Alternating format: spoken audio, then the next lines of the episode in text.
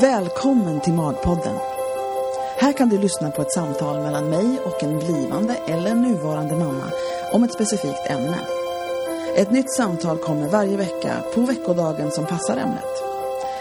De olika kategorierna hittar du enklast på Magpoddens hemsida, magpodden.com. Där hittar du också porträtt på dem som jag pratar med här. För jag är porträttfotograf i Vasastan i Stockholm med speciell inriktning på gravida och nyfödda. I min studio har jag haft många fina samtal med mina kunder. Och en dag insåg jag att de här samtalen kanske var någonting som andra kunde ha glädje av att lyssna på, av olika anledningar. Och så kom Magpodden till. Jag heter Bodil Bergman Hughes och mitt företag heter Bergman Hughes Images. I övrigt så gillar jag saltlakrits, sköna soffor, roliga kvinnor, berg- och dalbanor, sena kvällar, stora hjärtan, soulmusik och kaffe, bland annat. Nu börjar vi.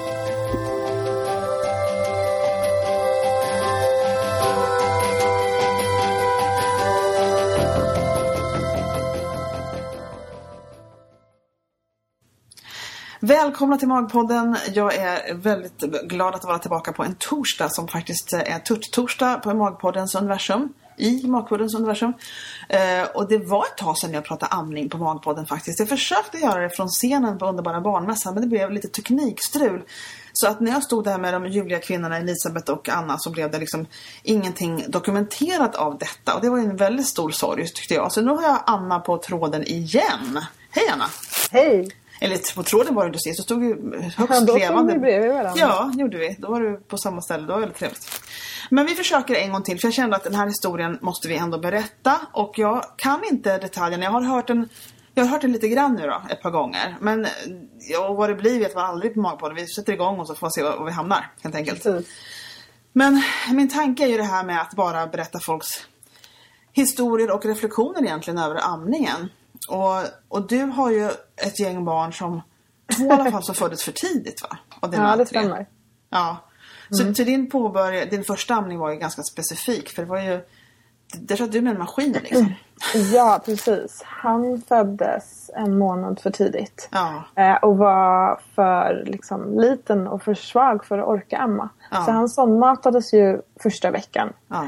Eh, vilket betyder att första gången jag ammade var utan ett barn. Jag skulle liksom handmjölka ur den där råmjölken. Ja. Och sen så efter det så gick jag på, på ett liksom, klockschema så att jag skulle gå och pumpa ur i ett pumprum. Där sa du plock, plockschema, sa du det? Ett klockschema som man gick efter Klockschema. klockan. Var, Ja. Jag kommer inte ihåg, på tredje timmen eller något sånt där. Ja. Skulle jag pumpa ur dygnet runt. Oh. Så att, eh, vi var på neonatalen på Södersjukhuset så har de ett pumprum där med utsikt över parkeringen. Så man såg ibland någon bil som kom med någon som skulle föda.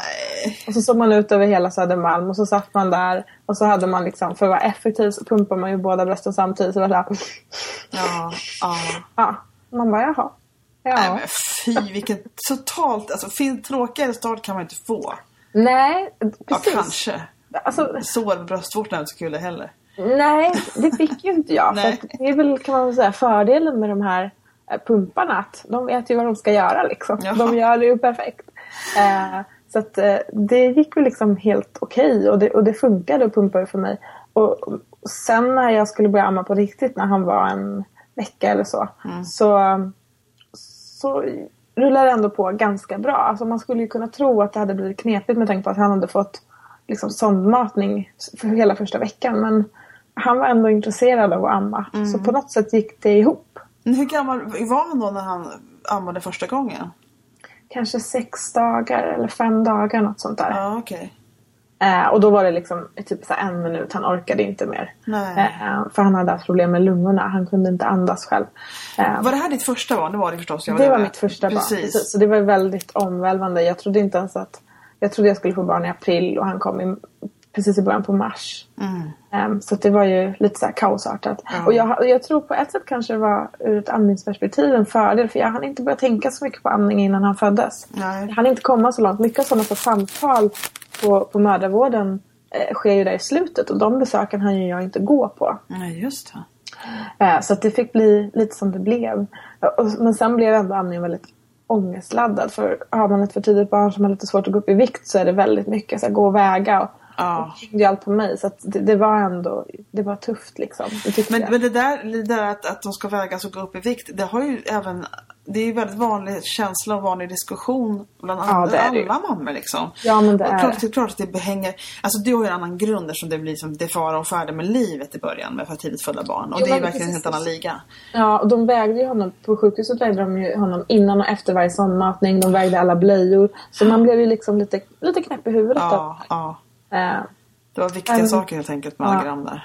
Ja. Men när han var eh, kanske tre månader så, så vägde han normalt igen. När han var två månader vägde han fortfarande bara kanske fyra kilo och sånt där. Så han var liten ganska länge. Oj, ja. uh, och sen så ammade jag väl uh, jag tror jag helammade fram till fem, sex månader någonting. Något sånt. Började med smakportioner. Ja. och sen så slutade vi amma när han var åtta och en halv månad tror jag. Alltså helt. Um, och det kändes för mig, ja, så var det. Det, var, det kändes inget konstigt eller fel då. Jag hade först slutat nattamma för att han sov så uh, ruskigt dåligt och jag kände att det var liksom lösningen och det, det funkade i alla fall. Och sen så var han så intresserad av mat så att han var inte sugen på att amma mer. Nej.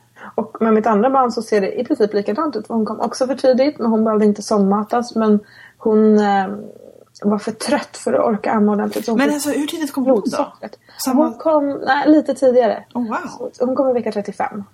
Men nu är det ju här fel dag då, om man ska vara lite fascistisk med det här med daggrejerna. Men nu måste jag verkligen undra. Var det liksom varning på det innan? Eller var det som att när du började känna av att det var liksom verkar på gång, antar jag att du kände något sånt där.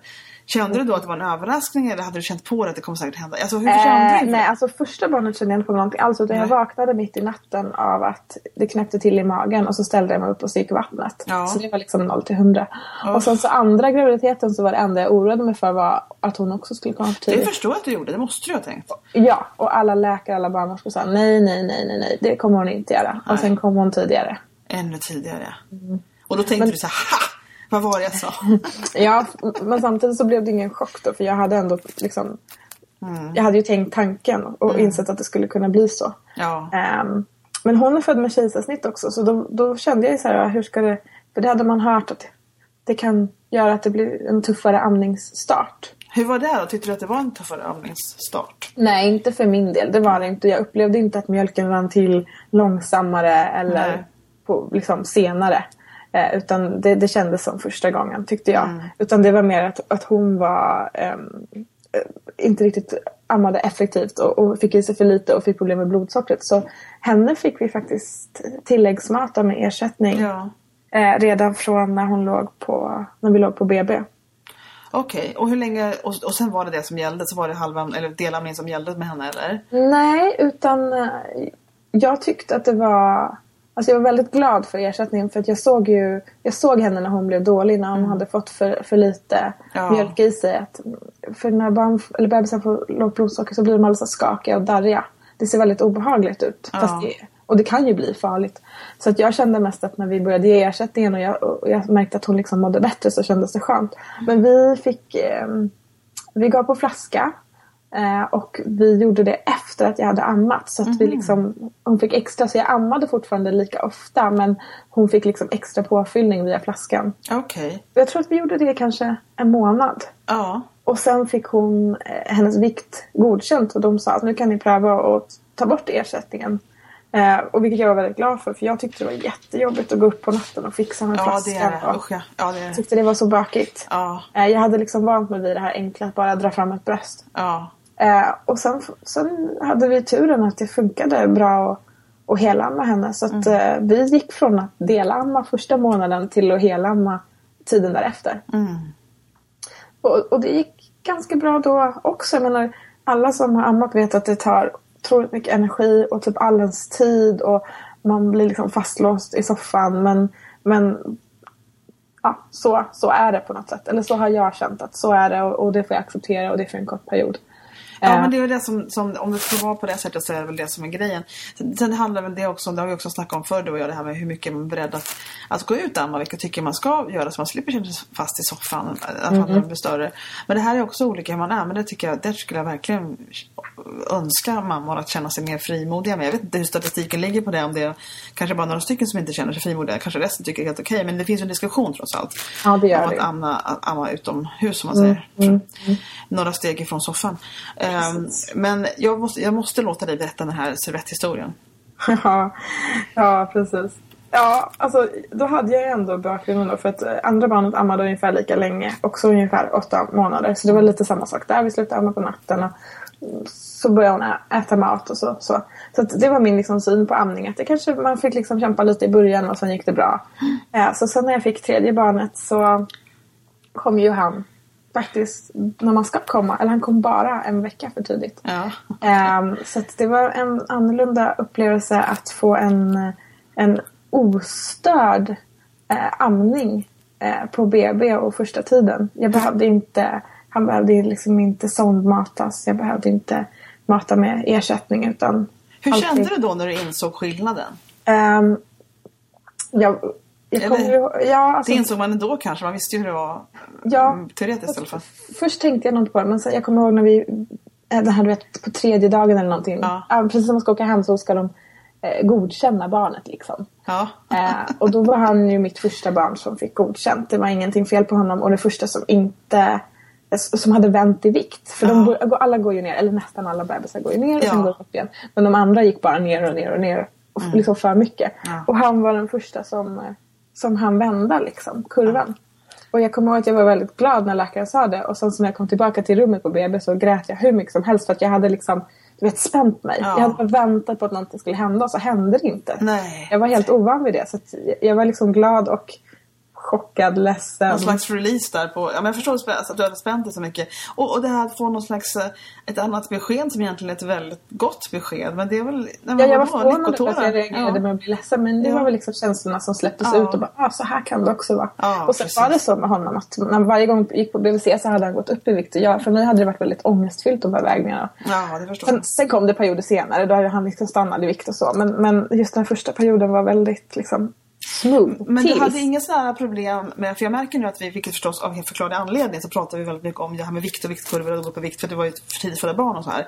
Mm. Och pratar ingenting om själva liksom hur det var att amma liksom, hur det, men det, för dig var det, det var inte så viktigt, det var inte i fram Alltså det var inte det som eh, du minns av hur det kändes och hur det var, gjorde ont och Nej, de där grammen är det som, det är liksom minnet.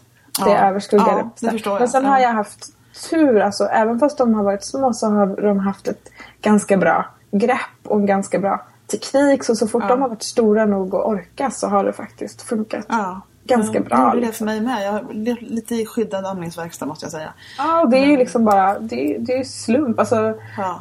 och, och väldigt liksom skönt. Jag har haft någon liksom mjölkstockning. Det har verkligen inte varit en väg som varit helt liksom slät och utan gupp. Men, men det har ändå liksom gått framåt och så. Mm, mm. Så att egentligen med tredje barnet kände jag att det här var ju walk in the park. Tills han var sju veckor gammal och jag gjorde misstaget att, eh, att amma honom på Grand Hotel. Ja men att du tänkte göra så att, vad, tänkte du? What were you thinking? Ja, Ja, men, ja, men berätta då. Så satt du där på Grand Hotel. Var det, men vart, vart, vart då? Jag kommer inte ihåg att det var Grand Hotel. Var du inne i frukostmatsalen där på verandan eller var Nej, du inne i ja, vi var loungen? på... Vi skulle äta eh, afternoon tea, heter Mm. det. Just det. Ehm, som vi hade bokat innan. Och vi kom dit och det var... När vi, vi, vi bokade på plats också innan han föddes. Mhm. Eh, och då såg vi att det var jättemycket barnvagnar och bebisar där. Så vi tänkte att ja, men det gör ju ingenting. Vi skulle fira min mammas födelsedag eller något sånt där var det. Så då tänkte vi att ja, men det är ingen problem. Det här kan vi göra även fast bebisen har kommit då. Mm. Eh, och så när vi var där så var det också så. Det var en massa barnvagnar och, och vi fick ett speciellt bord så vi kunde ha med barnvagnen bredvid bordet. Så det var jätte... Allting kändes väldigt väl anpassat efter att vara där med en bebis. Mm. De hade ett speciellt eh, skötrum som var jättefint för Ja. bebisar. Typ något av de finaste skötrummen jag Jag förstår. att det kändes liksom, det fanns ingenting som sa ta inte med din bebis Nej. ut. Tvärtom, allting sa du är så välkommen hit med din bebis. Ja. Ehm, och sen så satt vi där och skulle beställa och så vaknade eh, Nils och Mm. han var sju veckor, ganska exakt tror jag.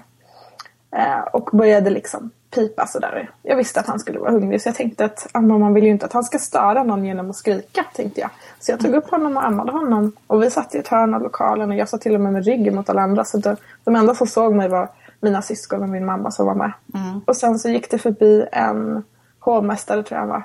Och så slängde han en eh, tygservett över mig. Och så gick han vidare. och var över dig? Över, över bebisen, bröstet ja, över liksom? Nils. Ja, över Nils. Ja, över Nils ja. Ja. Men, Min första reaktion var oj, har jag bett om en till servett? ja precis. Och så jag tog liksom bort den för jag tänkte det här blir ju tokigt. Men han sa ingenting den här personen som kastade den utan han gick vidare. Och, och sen var det först eh, någon minut senare som jag insåg att ah, det där var ju för att jag ammade. Liksom. Det var då först jag liksom kopplade det. För Ah. jag, jag förstod inte det först för att som sagt det var mitt tredje barn och jag har ammat de andra när de har blivit hungriga där de har blivit hungriga. Och det har aldrig varit ett problem. Jag har Nej. aldrig fått höra någonting, jag har aldrig sett någon se på mig på något sätt alls. Jag, jag hade aldrig ens tänkt tanken att det inte Mm. skulle vara okej. liksom. Nej, precis. Så det var min första negativa erfarenhet måste jag säga. Första säger du, har du varit, det är faktiskt riktigt... När, man, när du berättar den historien så är det så absurt på något vis. Alltså det hade varit mer om man säger inom normala liksom, spannet av oförstående om någon sa till dig, kan du tänka dig att gå in på toaletten? Alltså jag säger inte att det är okej, jag bara säger att det hade varit mer sånt som man förväntar sig. Men bara få liksom inga ord och en servett slängd, alltså det är väldigt bisarrt. Tycker Det jag. var jättekonstigt. Ja! jag, Väldigt menar, jag förstod ju vad som hände medan vi var där men det var först när jag kom hem så jag kände att det där var inte riktigt okej. Vad är det här för konstigt? Ja, precis. Du gick aldrig tillbaka och klagade på det? Jag mejlade dem Ja, bra. eh, och jag fick ett väldigt kort intetsägande svar som inte var ett svar och sen så la de till mig på sin, på sin mailinglista efter Nej. mitt klagomail. Så då fick jag mejl från dem varje vecka med deras lunchmenyer. Nej men sluta. Ja, det, ja. det Det är den enda kontakten som, okej. som jag har haft med dem. Ja, okej. Ja, det var ja, väldigt, väldigt bisarrt. Men du säger att det inte var, det var din första upplevelse. Har du upplevt några andra sådana grejer när du varit ute och ammat? Nej, jag har inte upplevt det men de, de där veckorna efter att jag varit där så kände jag mig väldigt osäker. Alltså jag såg mig liksom amma över axeln innan jag ammade Ja. Nils. Och, och var liksom väntade på att någon skulle säga åt mig igen. Och det kändes väldigt otrevligt att ens tänka den tanken bara. Ja. Jaha, mitt barn är hungrig men, men kan jag verkligen amma honom nu? Törs jag verkligen amma honom? Ja, det är så himla bakvänt alltså. Ja, det kändes liksom... Det kändes som att jag kände mig instängd för första gången. Mm. Och, och jag menar den här debatten som blev en följd. Jag menar att det överhuvudtaget skulle bli en debatt förstod inte jag. Nej. Inte den omfattningen i alla fall. Men där såg jag också att en del tyckte att äh, nej, men man ska stanna hemma när man ammar. Men alltså mina barn har ammat typ varannan timme och jag har två barn till och jag måste, jag måste hämta och lämna dem. Jag har ärenden att fixa. Mm, Jag måste handla mat. Alltså, jag, kan, jag kan inte sitta hemma. Det, och, och, och, framförallt vill jag faktiskt Nej, inte. nej, nej, precis. Vet du vad, det här är så intressant. Jag pratade med Helene Bjurberg om det här för länge sedan. Eh, nu känns det som att det är ett år jag håller på med mig i magpodden nu. Och då sa hon just det där liksom att, att eh, vi pratade ganska hett om det där med att man måste ju kunna amma var man än är. Och, och då sa hon att hon, för hon har ju fyra barn och hon har en sladdis. Så hon har ju, för hennes äldsta barn då var 18 år. Ja. Och hon upplevde ju en, så hon hade varit med om liksom amning i olika tidsperioder, vilket var jätteintressant. Så hon, hon liksom verkligen upplevde, för jag har ju bara ammat för tio år sedan och bara den perioden och sen inte mer. Så jag har inte upplevt det här som var, och, och inte riktigt tänkt med att det fanns en sån debatt heller. Att man inte fick amma ute, någonting uppfattade jag av den, men inte så mycket. Eh, och för mig var det väldigt främmande och jag engagerade mig inte så mycket när den kom, det var nog innan magpodden tror jag. Men, men Helene sa att hon verkligen kände en stor skillnad förstås då, då från nu och då. Och, eh, och du har ju också det, du ammar ju Nils fortfarande va? Eller? En del i alla fall. Ja, faktiskt jag det. Ja. Han blir 21 månader imorgon. Ja. Jag ammade honom senast igår. Han har vattkoppor just nu. Ja, så det känns eh, extra kanske. Ja, men precis. Men hur, mycket, eh, hur långt går det emellan? För jag ammar ju väldigt sent jag också. Men hur långt går det emellan liksom att du ammar honom? Hur gammal är han? Så ta en gång till hur gammal. 14 månader, sa du det? Nej, 21 månader. 21 Alltså, månader, han, precis, han är blir, två. han blir två år om tre månader. Just det. Ehm, nu är det inte så ofta längre. Jag skulle säga att det är... Alltså, i, i, ibland kan det bli två dagar på raken men oftast är det tre, fyra, två dagar emellan. Väldigt oregelbundet. Mm, okej. Eh, Men fram tills för några månader sedan så kanske det var en gång om dagen. Ja, så pass i alla fall. Precis. För, för jag jag ammade till hon var ungefär två och ett halvt år. Mm. Och då var det ju, för på slutet så var det som att det kunde gå ett par veckor emellan, tre veckor. Så jag tror hon höll på att fasa ut själv då tills jag fick den här traumatiska avslutningen som finns på något annat samtal någonstans. När hon plötsligt kom på en dag hon skulle ha så fick inte hon längre. Hon hade bestämt mig att det inte skulle bli det mer. Men i alla fall, hon, det kändes som nästan, det var som en månad nästan emellan slutet. Alltså, så hon bara... Ja, vi är nog kanske i den fasen just ja, kanske det. nu. Ja. ibland vill han och ibland vill han inte. Ja. Och ibland vill jag och ibland vill jag inte. Och när båda vill så funkar det. Ja. Och när någon av oss inte vill så hoppar vi över det. det. Um, så för mig är det en helt ny upplevelse med tanke på att jag ammar de andra i ungefär åtta månader. och nu 21 månader. Ja. det är ju... Och vad fick dig att, vad fick dig att uh, göra så här då? Var det för att du kände det sista barnet nu ska... Nej, det skulle jag inte säga. Utan lite handlar det faktiskt om den här, det som hände mig eh, när jag ammade Nils när han var sju veckor. Mm. För att då så fick jag upp ögonen för det här med amning som en vad ska man säga, som mer än någonting privat som bara gällde mig utan mer att det här är nästan lite grann en, en kvinnofråga. Mm. En jämställdhetsfråga. Mm. Det här, menar, oavsett hur man matar sitt barn så ska man kunna mata sitt barn när barnet är hungrig. Ja. Och att jag kände att ska jag behöva sitta hemma för att, för att jag ammar mitt barn? Precis. Så jag kom i kontakt med massa människor som var engagerade i den här frågan. Och gick med i lite andningsgrupper på Facebook som är jättehärliga, massa support. Och, och där man liksom representerade vad ska man säga, en annan norm. Ja. Um, och, och, och jag menar, allting är ju relativt. Så att jag hade ju aldrig relaterat min amning till någonting annat än min egen amning. Och, och nu när jag liksom blev upplyst om att hur andra ammar så insåg jag att aha, man kan göra så också. Jag hade liksom inte tänkt på det tidigare. Nej. Jag hade inte tänkt på att man kunde amma vidare som en del kallar det. Just det. Jag, jag gillar det uttrycket. Det är inte så här ammar du fortfarande. Det låter lite, lite negativt. Utan så amma vidare liksom. Mm. Um, jag kände att men varför, varför ska vi sluta om vi inte vill det? Men varför skulle jag känna att jag inte ville amma mer så skulle jag inte amma mer. Mm. Och skulle Nils känna att han vill inte amma mer så gör vi inte det. Nej, det. det. måste ju verkligen vara ömsesidigt. Det ger, sig, det ger sig det där. Det märkte jag att det gav sig. Jag tror att jag, tror att jag kände då, min tidsperiod blev satt lite i huvudet på mig för att jag fick hjälp av amningshjälpen. Det kom hem en kvinna till mig en gång när jag var lite orolig. Och, och, hon hade typ fyra barn och, hon, och jag pratade mycket med henne allmänt om amning och frågade hur länge har du ammat? Och då sa hon två och ett halvt år. Och då blev det som ett, en siffra i skallen på mig. Mm. Så jag tänkte, jaha två och ett halvt år kan man tydligen amma. Du vet, ungefär så. Det var jättekonstigt. Men för mig blev det också lite så att jaha. För jag hade tänkt med de två första att jag ska amma ungefär ett år. För det, det hade jag hört var liksom det vanliga. Då tänkte mm. jag då ska vi också göra så. Sen blev det mm. kortare. Mm. Så nu med Nils tänkte jag väl så här, ja, men jag ammar väl liksom ungefär ett år då. Mm. Um, och sen så när han var ett år så var jag så här, varför, varför ska vi sluta nu? Jag började visserligen jobba så det var en annan typ av andning. Mm. Det finns ju ingen anledning att sluta. Mm. Och jag har fortfarande inte riktigt hittat någon anledning att sluta. Mm. Nu tror jag att vi är på väg att fasa ut det här. Jag tror att kanske i vår, antagligen ammar vi inte längre. Men, men då är det för att det liksom fått bli så av sig självt. Och det känns liksom det kändes rätt när jag slutade amma de andra när de var åtta månader och det känns rätt att amma Nils nu fast han är, eller fast han är, när han är 21 mm, månader. Ser du vad fast han är själv? Jag vet. Det är jättetråkigt. Ja, det finns det... otroligt mycket förutfattade meningar ja. om vilka typ av föräldrar det är som mm. ammar sina barn länge och jag tycker det är liksom det, men vet du vad, det finns överhuvudtaget väldigt mycket förutfattade meningar och det är väl så vi är gjorda, vi människor. Vi samlar på oss vi som bilder av med erfarenheter och andras och sen gör man sig någon slags verklighetsuppfattning av det. Och, och jag blir bara så fascinerad ibland över vilka sådana vi samlar på oss. Och att vi samlar på oss, som ett exempel nu, så, så eh, känner jag ett par som fick barn nyligen och då så så, och det här tyckte jag så att det var ganska ofta, jag träffar så mycket par som just har fått barn. Och då så är det så här att, att jag uppmuntrar dem verkligen att amma på bara så mycket. Det är första signalen, kör på det liksom. Så får vi se om det är det som, det brukar vara, om de är väldigt nyfödda så är det det enda de vill ungefär hela tiden. Och då, men då hade liksom mannen fått för sig att um, man ska inte liksom skämma bort dem, den här varianten. Alltså, han är ju en fantastiskt kärleksfull människa. Det var verkligen ingen, ingen elakhet utan bara okunskap förstås. Mm. Uh, men då tänker jag så här, okej okay, så han, han griper liksom bara detta ur luften att man inte ska vänja för mycket med att få amma. Varför kan han inte gripa den andra verkligheten ur luften att amma på? Alltså jag förstår inte varför det grips efter det här andra som liksom inte, som jag, som jag tycker är så tråkigt att man ska behöva få fortfarande finns, det flyter omkring sådana här små förutfattade meningar om att man inte ska vänja en nyfödd bebis på att amma för ofta, till, till exempel. Och det, Ja, jag känner igen det. Eller känner du inte igen det? Och då tänker jag så här. Det, det måste helt enkelt handla om att det finns en, en, en alltså allmänkunskapen är så, så pass dålig verkligen.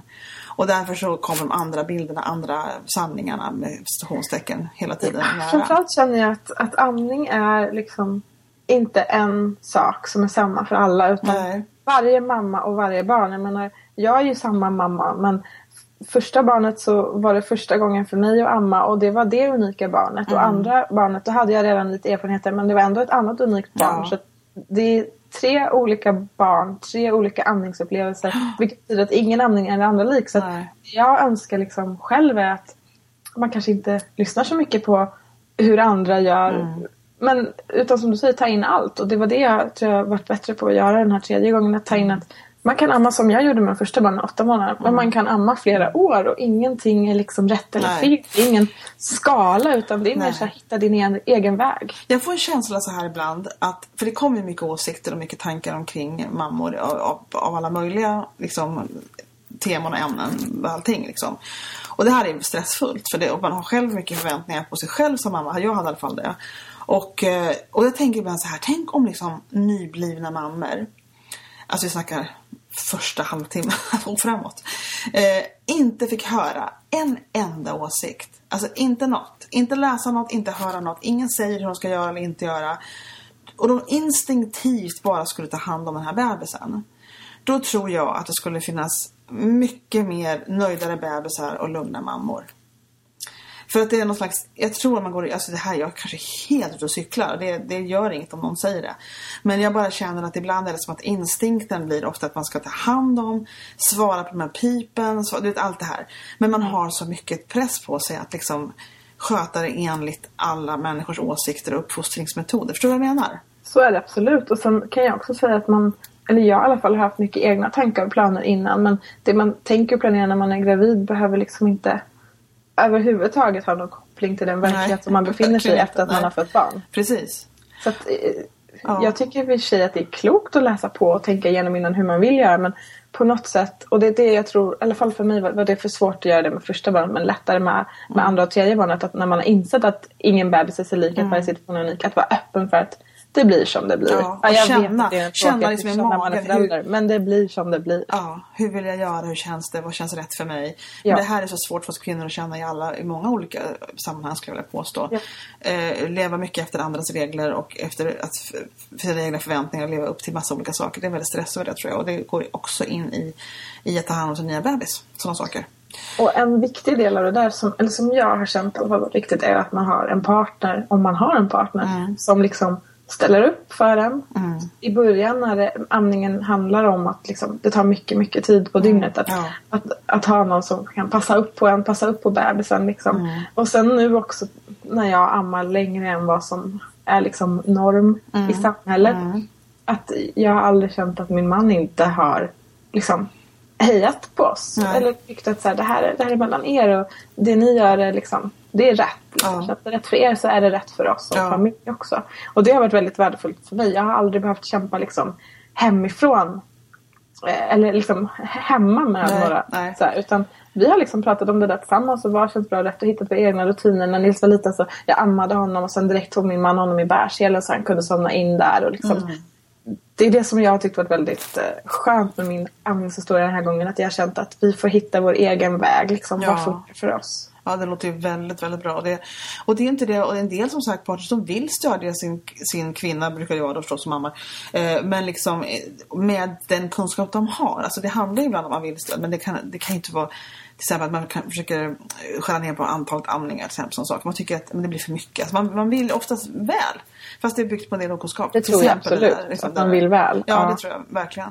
Så att eh, det är mycket med det där och, och jag, jag skulle önska, om, jag har en, en tema som jag tänker väldigt mycket på i mitt huvud så här som jag funderar på att göra någonting av så småningom. Jag kan ju börja med dig nu. och det är det här liksom, om det fanns bara en enda sak, en enda sak som du skulle vilja säga eller berätta, som typ i, lite i rådområdet, men alltså en kunskap du skulle vilja förmedla. Om du bara fick säga en enda grej till helt nya mammor, eller blivande ska man säga. Vad skulle det, om amning alltså, vad skulle det vara? Jag tror att det skulle vara ehm, en klyscha som är sann. Att eh, även fast det känns i början som att det tar all ens tid Mm. så kommer det när man tittar tillbaka ett, två år senare kännas som att det var en oerhört kort tid som det varade. Så ha inte panik över att det är jämnt, eller så ungefär. Ja, alltså, eller jag, så kan man ju få känna för det kan ju vara skitjobbigt när man sitter där och ammar, ammar, ammar, ammar. Men att jag, jag känner att det har varit lättare för mig att ta det jobbiga som jag ändå har känt att ah, nu är ju liksom brösten framme jämt, jämt, jämt, jämt. Jag får aldrig vara i fred liksom. Att jag också den här tre gångerna vet att jag liksom kunna titta på mina äldre barn och bara okej men snart är han fem år och cyklar runt på gården här utanför. Och, och den tiden, det går så snabbt liksom. Ja, så att en jag, även fast ja. jag tycker det här är jobbigt så, så tycker jag att det är värt det. Ja, jag förstår. Ja, men det är väl en bra. Det är inte bra grejer att förmedla, tycker jag. Ehm, jag tror vi behöver mer sådana, om jag bara fick berätta en enda sak från lite olika kvinnor, vad de har att säga om det. Det vore väldigt trevligt. Men eh, bra, jag är, det är tacksam över att du inte fick hostattack, för det var vi lite rädda för i början. Det gick jättebra Anna. Ja, det gjorde det. Hostar jättelänge nu. Eh, tack för det här, det var bra tycker jag. Jag, det här. jag känner ju att vi lite bara har skrapat på ytan och du har mycket att berätta. Men det är, så är det med, med människor, vi har mycket att berätta. Verkligen. Om eh, våra erfarenheter, det vi har gått igenom och det vi har att säga. Men vi får nöja oss med det här just nu.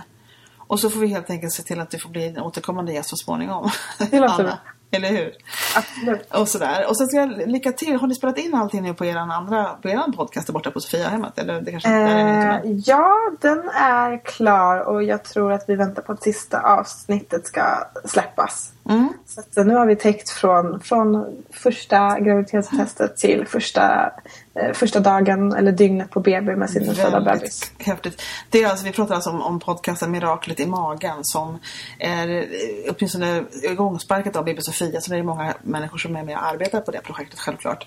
Men den, Precis. den ligger på iTunes också och den finns, där kan du lägga in på podcaster och det är tio, förlåt hur många avsnitt är det Anna? Ja, totalt ska det vara tio avsnitt. Men det kanske är så att det bara släppts nio hittills. Ja, möjligt. Och det är Anna som är programledare på den. Ja, det Så är det. Så det måste vi tipsa om att de ska gå in och lyssna på tycker jag. Våra Ja, det tycker jag. Verkligen. Eh, men bra, då tackar jag för, för ikväll. För det brukar vara kväll när jag spelar in de här samtalen. Och eh, ni kommer att få höra Anna som sagt på en tutt-torsdag. Så får det bli. Eh, Tack så hemskt mycket tack för den här gången. Ja, men det var jätte- jätteroligt. Tack så mycket. Tack, hej. Hej, hej.